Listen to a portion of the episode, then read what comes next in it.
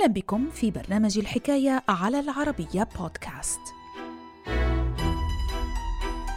خلال الحرب العالمية الثانية وبعد أشهر من النجاحات العسكرية التي حققها ملايين الجنود الألمان ضمن عملية برباروسا أكبر عملية غزو عسكري وبعد أن وصلوا مدينة روستوف أون دون حقق السوفييت نصرا هاما أعاد لهم الأمل ومنح الجنود شحنة معنوية لا يستهان بها.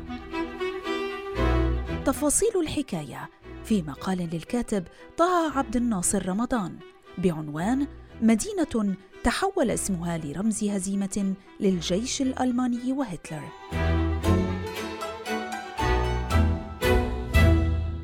الحكاية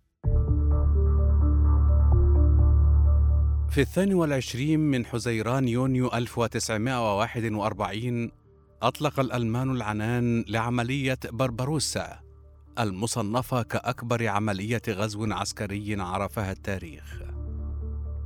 حيث باشرت نحو 154 فرقة عسكرية تدخلها بالأراضي السوفيتية معلنة بذلك عن فتح جبهة جديدة على الجهة الشرقية للبلاد. وبحسب العديد من المصادر تجاوز عدد الجنود الألمان مع بداية الغزو الثلاثة ملايين جندي مدعومين بنحو أربعة آلاف دبابة وسبعة آلاف مدفع إضافة لما يزيد عن ثلاثة آلاف طائرة حربية. ومع بداية الاجتياح عرف الجيش السوفيتي انهيارا غير مسبوق في تاريخه حيث تراجعت قواته بشكل سريع لأكثر من 300 ميل كما أسفرت الأيام الأولى للغزو عن تدمير أكثر من ألف طائرة وأسر ما يزيد عن أربعمائة ألف جندي سوفيتي.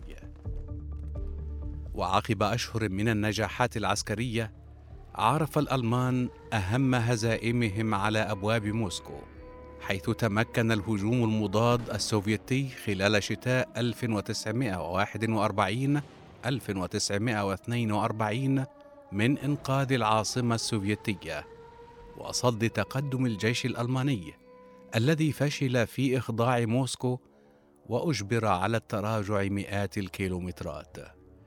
وقبل عملية صد التقدم الألماني على أبواب موسكو حقق السوفييت نصرا هاما أعاد لهم الأمل ومنح الجنود شحنة معنوية لا يستهان بها.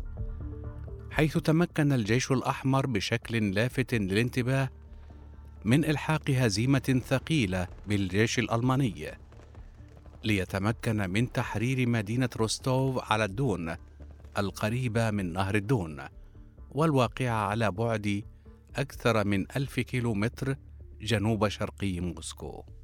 إلى ذلك حظيت روستوف على الدون المقدر عدد سكانها بنحو نصف مليون نسمة. بمكانة هامة لدى السوفييت حيث مثلت مركزا صناعيا أساسيا. وخلال شهر تشرين الثاني نوفمبر عام 1941 وقعت هذه المدينة في قبضة قوات الفرقة الألمانية المدرعة الأولى التي أجبرت قوات الجيش السادس والخمسين السوفيتي بقيادة الجنرال فيدور ريميزوف على التراجع نحو الجهة الأخرى من نهر الدون.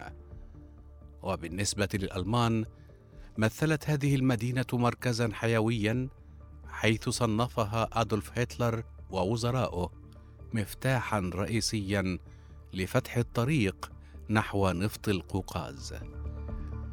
في الأثناء رفض السوفييت مبدأ خسارتهم لمدينة روستوف على الدون فباشروا يوم السابع والعشرين من تشرين الثاني نوفمبر عام 1941 بشن هجوم لاستعادة المدينة.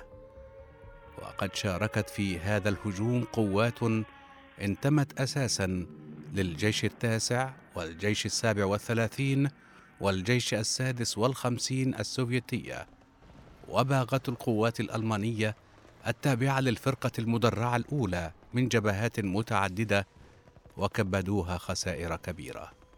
مع تزايد الخسائر الألمانية، أمر أدولف هتلر المارشال جيرد فون رونتشتيت بعدم التراجع ومواصلة القتال لآخر جندي وأمام تواصل سقوط مزيد من القتلى في صفوف قواته رفض المارشال فون رونتشتيت أوامر هتلر ليباشر بعملية إجلاء جنوده من روستوف على الدون.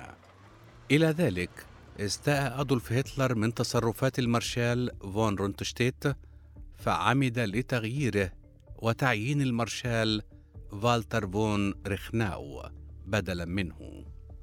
ومع حلوله على عين المكان لاحظ فون ريخناو معاناة الجيش الألماني وعدم قدرته على الحفاظ على روستوف على الدون فأمر بمواصلة سياسة الانسحاب التي بدأها فون رونتشتيت لاحقا.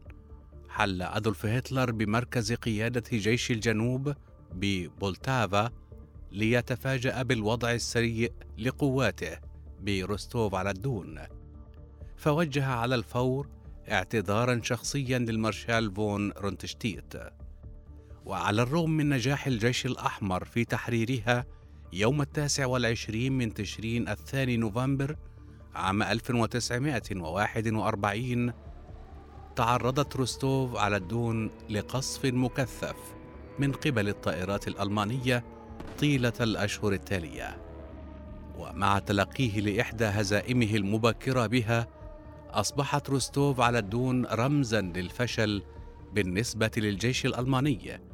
الذي انتظر شهر تموز يوليو عام 1942 ليستعيد السيطرة عليها قبل أن يخسرها مجددا خلال العام التالي عقب هزيمة ستالينغراد.